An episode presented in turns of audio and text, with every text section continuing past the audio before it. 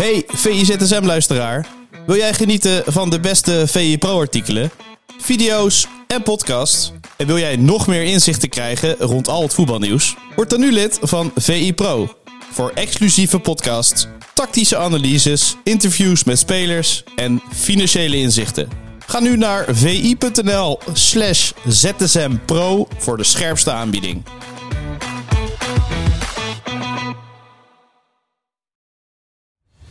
Wil jij genieten van de beste VI Pro-artikelen, video's en podcasts?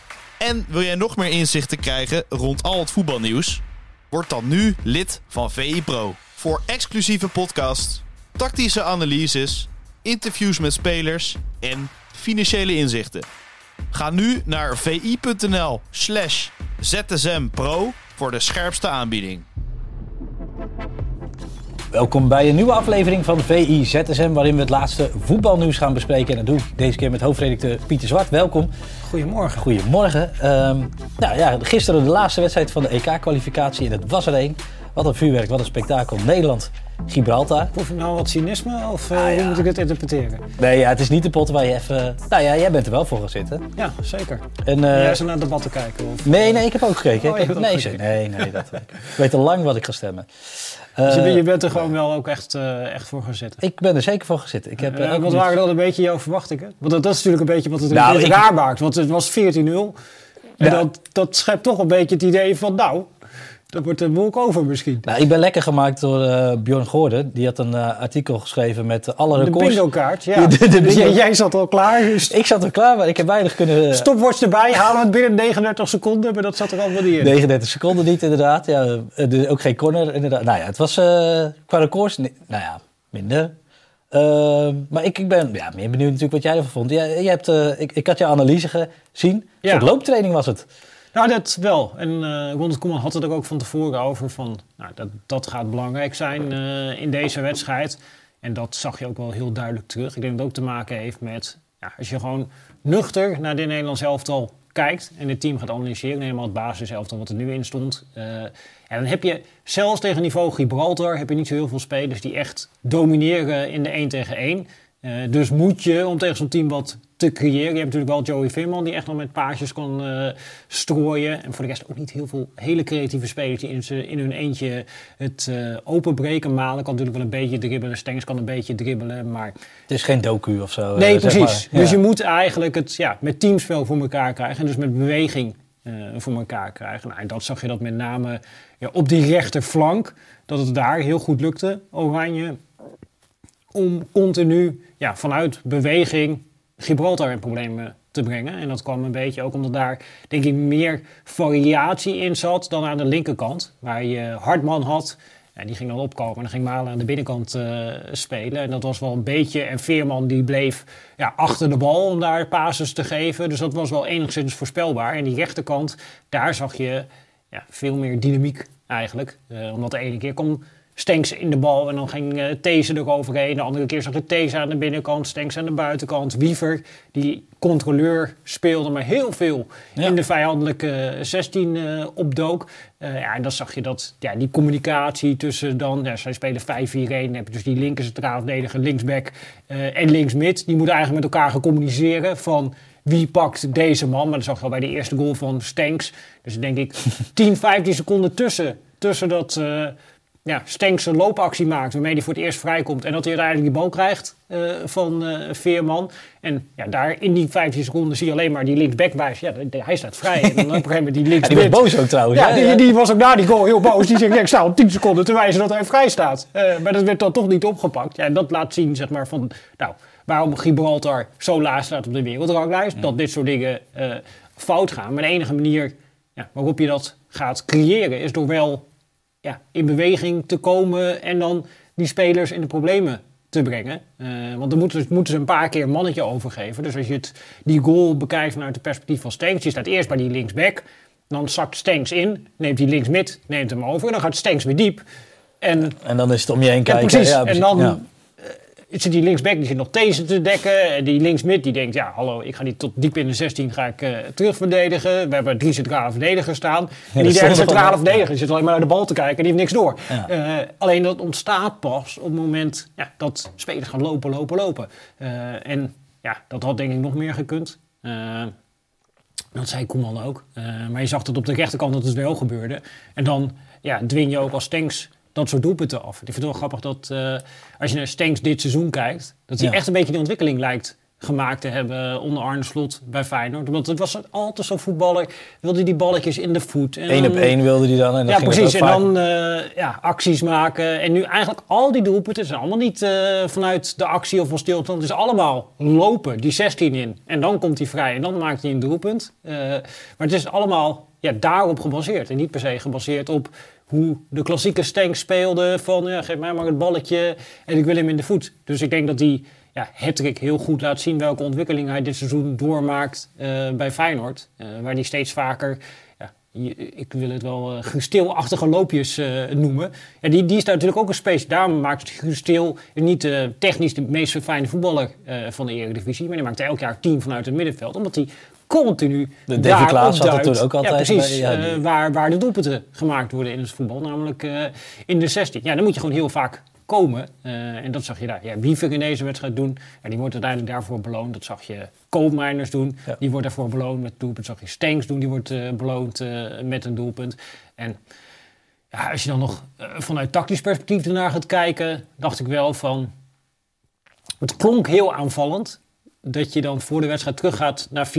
Mm Maar ik dacht eigenlijk van, als je ernaar zit te kijken, het, het slaat nergens op. Omdat ah, zij spelen 5-4-1. Je hebt die ene spits en we staan er met vier man er tegenop op te bouwen. Dat betekent dat je elders op het veld drie man tekort komt. Waarom kun je niet... Uh, 3-4-3 of... Ja. Nou ja, maar juist vanuit die 3-4-3 uh, dat je dan ook een beetje met die spelers aan de gang gaat om te laten zien van ja, maar we kunnen ook dit systeem op een andere aanvallende manier uh, invullen. Dus Hartman, waarom kan dan niet tegen Gibraltar je linkercentrale zijn in het 3? Uh, en dan kun je aan de zijkant weer echt aanvallers opstellen in plaats van wingbacks. En dan deze rechtercentrale ja. in het 3. En dan heb je eigenlijk maar één centrale verdediger nodig, meer dan zat, tegen ja, die spits van Gibraltar die toch niet diep gaat. Dan kun je eigenlijk prima één tegen één uh, daar verdedigen. En als dan, denk ik, uh, These of Hartman vanuit eigenlijk zo'n centrale rol naar voren gaat, denk ik dat je ook, waar we net over hadden, met uh, verwarring stichten, dat je dat veel meer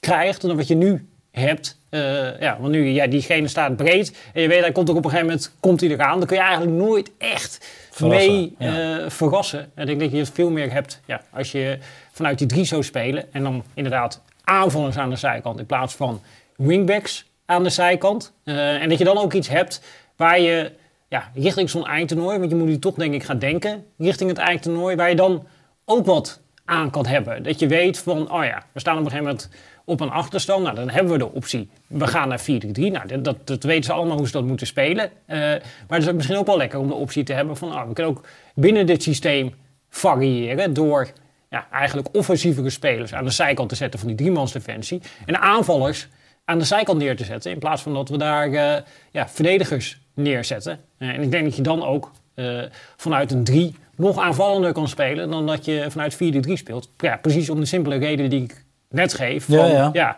opbouw. Ja, als je daar 4 tegen 1 opbouw gaat spelen, dan kom je elders 3 tekort. Uh, en zelfs tegen Gibraltar is het niet handig. Als je elders op het veld uh, ja, eigenlijk drie man minder hebt uh, dan dat Gibraltar dat heeft. ik denk dat je misschien wel veel sneller er doorheen had kunnen komen als je het op die manier geprobeerd had. En ik denk dat dat ja, een goede variant is om eigenlijk achterhand te hebben richting zo'n eindtoernooi. Dat je weet van, ah ja, we kunnen dus ook dat systeem met drie op een andere manier gaan invullen en op die manier ook tegenstanders uh, gaan verrassen. Uh, want het is denk ik al goed dat Nederland twee dingen kan. Uh, maar als je dan ja, daarbinnen ook weer andere dingen kan. de wapens op verschillende manieren kan inzetten. Ja, nou, ik dacht eigenlijk dat die, die, die, die gewoon, dat die These en Hartman juist wilden voor die voorzetten. Die, die ik overigens best wel weinig had gezien. Deze heeft natuurlijk een fantastisch pootje om die ballen voor te slingen. Hetzelfde geldt voor Hartman. Dat hij daarom die aan de zijkant geposteerd heeft. Ja, en dat was ook een beetje de argumentatie. Alleen ja, voorzet uh, I- is best lastig om daar eh, heel veel uit te scoren. Vooral als eh, de box helemaal vol staat met spelers. Ja, precies. Zeker ook tegen een team inderdaad als Gibraltar dat op die manier eh, verdedigt. Ja. Eh, en ja, wat ik zeg, als zij er dan komen vanuit... Het is niet erg als zij een voorzet geven. Alleen als ze er komen vanuit de vier... Ja, zij staan dus in 5-4-1. En dan heb je dus een ja, eh, linksmid en een linksback. Die zijn dan allebei staan zie je op te wachten. En je komt frontaal kom je aangelopen. ja, daar, daar zit gewoon niet zo heel veel eh, verrassing eh, dan in. Eh, en is het best wel lastig om echt ruimte te creëren om een goede voorzet eh, te geven. Ja, en het tweede is, en dat zag je met name aan de rechterkant wel goed gaan. Dus als dan die voorzet komt, en die voorzet kwam dus een paar keer vanaf de linkerkant, ja, dat je dan heel veel lopers moet hebben richting de 16. eh, zodat ze eigenlijk één op één daar staan, of soms zelfs een mannetje tekort komen. Eh, en ja, dat, dan ga je tot doelpunten komen. Zoals ook bij ja, bijvoorbeeld die bal eh, van Gakpo die, die erin slingert en die erin vliegt. Eh, Hmm. Ja, dat is mede omdat die centrale verdedigers, die zijn allebei onder hoogspanning. Omdat Dallinga en Wiever, die staan daar in Ja. de 16. Eh, ja, en die staan hen te binden. En dan ja, komt er toch een soort stress op die verdediging. En daar, daar gaat het denk ik om in dit soort wedstrijden. Dat je dan ja, voortdurend die stress creëert bij Gibraltar. Ja. ja, goed. De kwalificatie zit erop. Twee keer verloren van Frankrijk, de rest eh, gewonnen. Wat zijn nou dingen die jou het meest zijn opgevallen of spelers waarvan je denkt, nou, eh, dat, dat had ik niet verwacht of die hebben mij wel positief verrast? Puur in even de hele kwalificatie of dit? Ja. Nee, de kwalificatie. Ja, het is lastig om Gibraltar als meetlat te Ja, nemen. hele kwalificatie. Ja, ik denk als je er naar kijkt van goh, wat zijn nou echt de ontwikkelingen geweest eh, in die kwalificatie, dan ja, we hebben natuurlijk een nieuwe keeper gekregen met Bart Verbrugge. Blij mee? Nou, ik denk dat dat wel een eh, keeper is waarmee je richting de toekomst eh, kan. Hartman, die is natuurlijk echt Ja. een beetje opgestaan eh, als ja, nieuwe linksback van Oranje. Nou, dat is denk ik ook een goede ontwikkeling dat daar wat ja, selectie in de opgang komt. Ik denk dat je centraal op het middenveld, dat je best wel veel opties hebt. Maar die puzzel is eigenlijk nog totaal niet gevallen. Daar zie je dat, ja, er zijn best wel veel smaken. Nu maakt Koopmijn dus ook weer eh, een doelpunt. Eh, ja, we hebben daar natuurlijk eh Veerman gezien, helemaal begin van de kwalificatie nog Taylor. Die is enorm eh, weer gedaald in de pickorde. Wiever, Schouten. ja, je hebt daar best Reinders, die natuurlijk op een gegeven moment zich eh, heeft aangediend eh, bij afwezigheid eh, van eh Frenkie de Jong. Dus daar, daar zie je, daar is ook wel echt wat op gang gekomen. En dus natuurlijk ook een beetje de kwalificatie dat eh ja, Xavi Simons... Ja, voor deze kwalificatie, dan had hij één invalbeurtje gehad natuurlijk eh, in eh, Qatar. Eh, maar ja, was helemaal niet Oranje, Simons een ding. En nu is hij wel inmiddels ja, een soort van verzekerd van een basisplek. Nou, qua rendement komt het er nog niet helemaal uit zoals bij Leipzig. Maar dat is denk ik ook wel echt ja, een ontwikkeling van deze kwalificatie. En ik denk heel positief dat je in ieder geval weer een creatieve speler hebt die zich aandient. Want ik denk dat ja, het probleem van het Nederlands elftal is dat ja, daar echt een nijpend tekort aan is. eh, aan creatieve voetballers die iets kunnen creëren. En dat is natuurlijk iets wat eh, Simons in principe wel kan. Ook omdat er bij Oranje nog niet altijd uit. Maar dat komt er denk ik ook minder uit eh, om ja, twee redenen. Eén, dat je dus weinig eigenlijk van dat soort creatieve spelers hebt. Dus dat heel veel focus automatisch om hem gaat. En twee, dat hij goed is. Nou, dat zag je, zie je dit seizoen natuurlijk ook met name bij eh, Leipzig. Met Openda voor hem. En ja, dat is zo'n spits, die is altijd diep, altijd eh, onderweg, altijd die verdedigers binnen ha- bezighouden. Dat betekent A, dat Simons daar altijd een optie heeft om diepte te spelen. Maar B ook dat die centrale verdedigers van de tegenstander, die worden eigenlijk naar achter gedrukt. Eh, en om die reden ja, heeft Simons misschien net wat meer ruimte tussen de linies dan dat je bij Oranje hebt, waar je met Weghorst een spits hebt. Eh, ja, Die heeft geen, ja. die heeft geen diepgang, die speelt met zijn Nee. rug eh, naar de situatie. Ja, dus die kun je niet wegsteken. En je krijgt niet net dat extra metertje ruimte wat je misschien nodig hebt als Simons om beslissend te zijn. Dus dat is denk ik ook waar Koeman nog heel erg naar moet kijken. Van, het gaat altijd vaak, eh, ook bij Koeman, over ja, koppeltjes. En dan heb je ook hier van dat je het idee hebt van... er moet nog een koppeltje ontstaan dat Simons iemand heeft... Ja, waarmee hij lekker ja, kan combineren, die die weg kan steken... en die extra ruimte voor hem creëert. Ja, dat heb je voorin. Heb je dat eigenlijk nog niet zien ontstaan. Ik denk dat daar ook een beetje de grootste vraagtekens zitten voor dit oranje. Van ja, hoe ga je die voorhoede uiteindelijk inrichten dat ja, jouw beste spelers allemaal in hun kwaliteit eh, komen te staan. En ik denk dat daar Koeman nog niet uit is. Nee. Nou goed, er komen ook nog wat spelers terug van een blessure. Dus dan eh, kan het er allemaal nog rooskleuriger uitzien. Voor wie het er minder rooskleurig uitziet, is voor Brazilië. Van, vannacht een heet potje. Brazilië tegen Argentinië, Mhm. Maracanã Stadion. Argentinië gewonnen, 1-0. Eh, en ja, het gaat niet zo goed met Braziliaans voetbal. Ze staan vijfde in de kwalificatie. Ja, Terwijl, ja, die hebben wel een elftal waarvan je denkt, nou, dit, dit, dit ziet er niet slecht uit, laat ik het zo zeggen. nee, individuele kwaliteit is daar het eh, probleem niet. Ja, we hebben het net over Nederland en dat je dan voorin eh, wel behoefte zou hebben aan wat spelers die eh, ja, iets kunnen creëren. Ja, daar hebben zij een overschot van. Ja. Ja. als wij Gabriel Martinelli zouden hebben, ja, dan zouden wij spreken een moord eh, voor doen. en. En ja, ze hebben natuurlijk eh, een hele lijst eh, met dat soort spelers daar rondlopen. Ja, en die extra kwaliteit ja, is natuurlijk heel waardevol. Alleen, ja, het is ook duidelijk dat het op dit moment niet echt loopt. Zij hebben natuurlijk als soort van interim die coach van Fluminense. Ja, dat is er eentje. Hè? Voor de mensen die het nog niet hebben gehoord, die heeft een ja, bij- bijzondere kijk op het voetbal. Ja, het is, eh, ja, het is eigenlijk een beetje bijna ja, traditioneel Zuid-Amerikaans gedachtegoed. Dus van... Ja, waar- voetbal. Ja, gewoon heel veel ja, bij elkaar. Ja. Eh, en dan eh, gaan combineren op één flank. En ik denk dat een van de ja, problemen waar hij nu tegenaan loopt bij dit elftal van Brazilië... je hebt natuurlijk weinig tijd om te trainen... dat hij heel veel spelers heeft die in Europa spelen. En die zitten allemaal in die tactische... Ja, je zou bij wijze van spreken de Guardiola-mal eh, kunnen noemen. Van, nou, je hebt vijf stroken op het veld, die moet je bezetten... en je moet echt vanuit de zone eh, opereren... zowel verdedigend als tijdens het aanvallen. Eh, en ja, die komen bij de Braziliaanse ploeg. En daar is het van, we gaan even heel wat anders doen. En daar, ja, dat lijkt nog niet helemaal op elkaar aangesloten... dat dat echt wel effectief begint te worden. Eh, dus ja, dat is altijd wel ja, grappig, want die, wint de Copa Libertadores. Eh, en dan denk je, oh, ja, daar zit... eh, ja, ja, is toch interessant dat iemand het helemaal op een andere manier doet. Waar je een heleboel teams in Europa eigenlijk exact op dezelfde manier ziet spelen. Nou, dan vind ik het leuk dat je een team hebt wat zegt: oké, we doen het eigenlijk helemaal anders. traditioneel Zuid-Amerikaans. Alleen dat werkt dus in die kwalificatie. Ja, lijkt dat vooralsnog voor hen totaal niet te werken.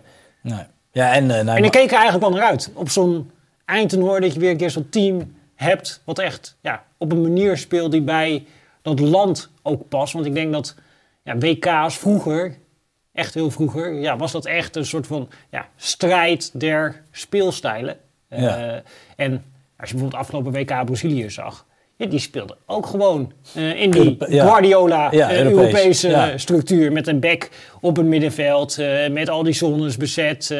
ja, dat, dat was een traditie, ja, zoals iedereen in Europa. eh, als je veldbezetting stilzet, Spanje of Brazilië of Italië of bij wijze van spreken Nederland, tijdens de aanvallen, is het allemaal exact hetzelfde. Eh, Hmm. Dus dat is het leuke als je zo'n team hebt wat het helemaal anders doet. Dan moeten ja, je wel- moet wel de vruchten dan afwerpen. moeten ze wel het eh, toernooi zien te halen. Ja. En dat, eh, dat dreigt weer kritiek te worden. Al, ja, kwa- kwalificatie doen, duurt nog wel even en ze zullen ook nog wel wedstrijdjes winnen. En ze staan zelfs nu nog op een plek die recht geeft op het tikken. Dus het zal uiteindelijk waarschijnlijk wel goed komen. Maar ja, ik, ik vrees dat we misschien niet deze bondscoach en zijn ono- onorthodoxe speelstijl eh, ook daadwerkelijk op het WK te zien krijgen. Maar dat ze dan, ja, er gaan natuurlijk veel geruchten over Carlo Ancelotti. Ja, ik Dus, eh, zeggen, ja. ja, dat ze uiteindelijk toch bij zo'n soort eh, trainer uitkomen.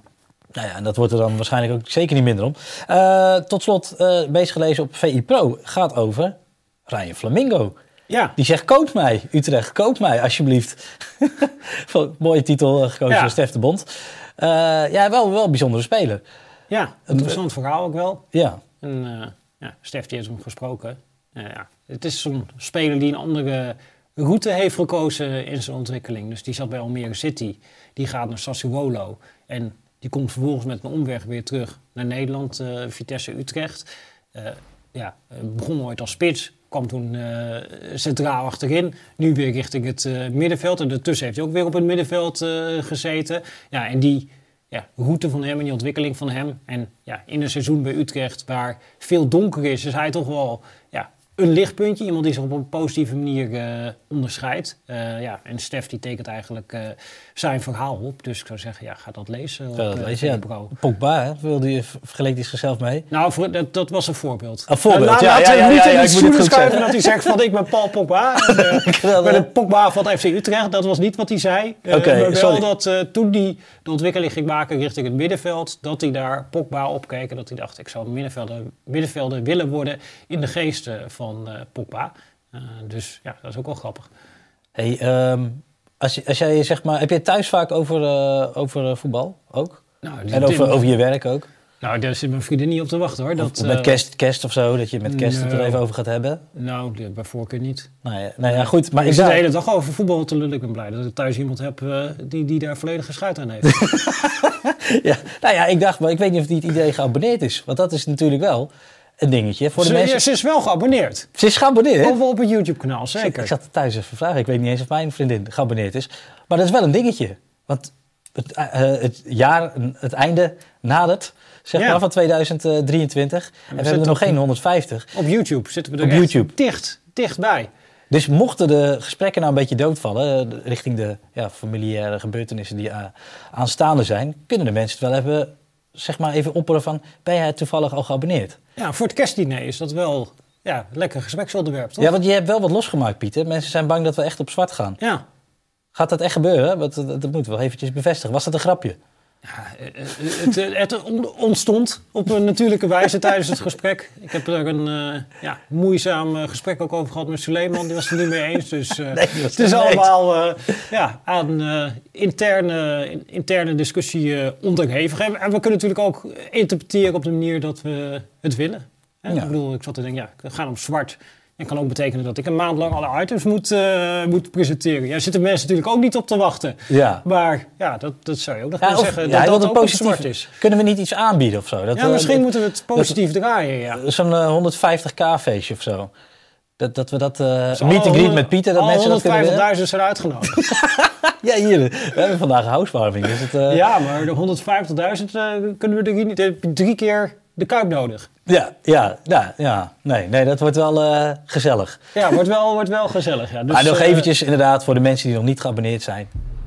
Alsjeblieft, oh, dat is daar is de camera. Eh, vergeet niet te abonneren op, op ons kanaal. Pieter, bedankt weer voor vandaag. Eh, Ja. Er komt nog mooie content aan, dus hou het allemaal in de gaten. Misschien kunnen we 150 uur live gaan eh, als, we het, eh, als we het halen. Ja, nou ja, gooi die ideeën erin, jongens, Ja. in de comments. en voor de mensen die luisteren, want we zijn natuurlijk ook gewoon te beluisteren via je favoriete podcastkanaal. daar kun je ook abonneren, dus daar geldt het ook voor. Bedankt voor het kijken en luisteren en tot de volgende.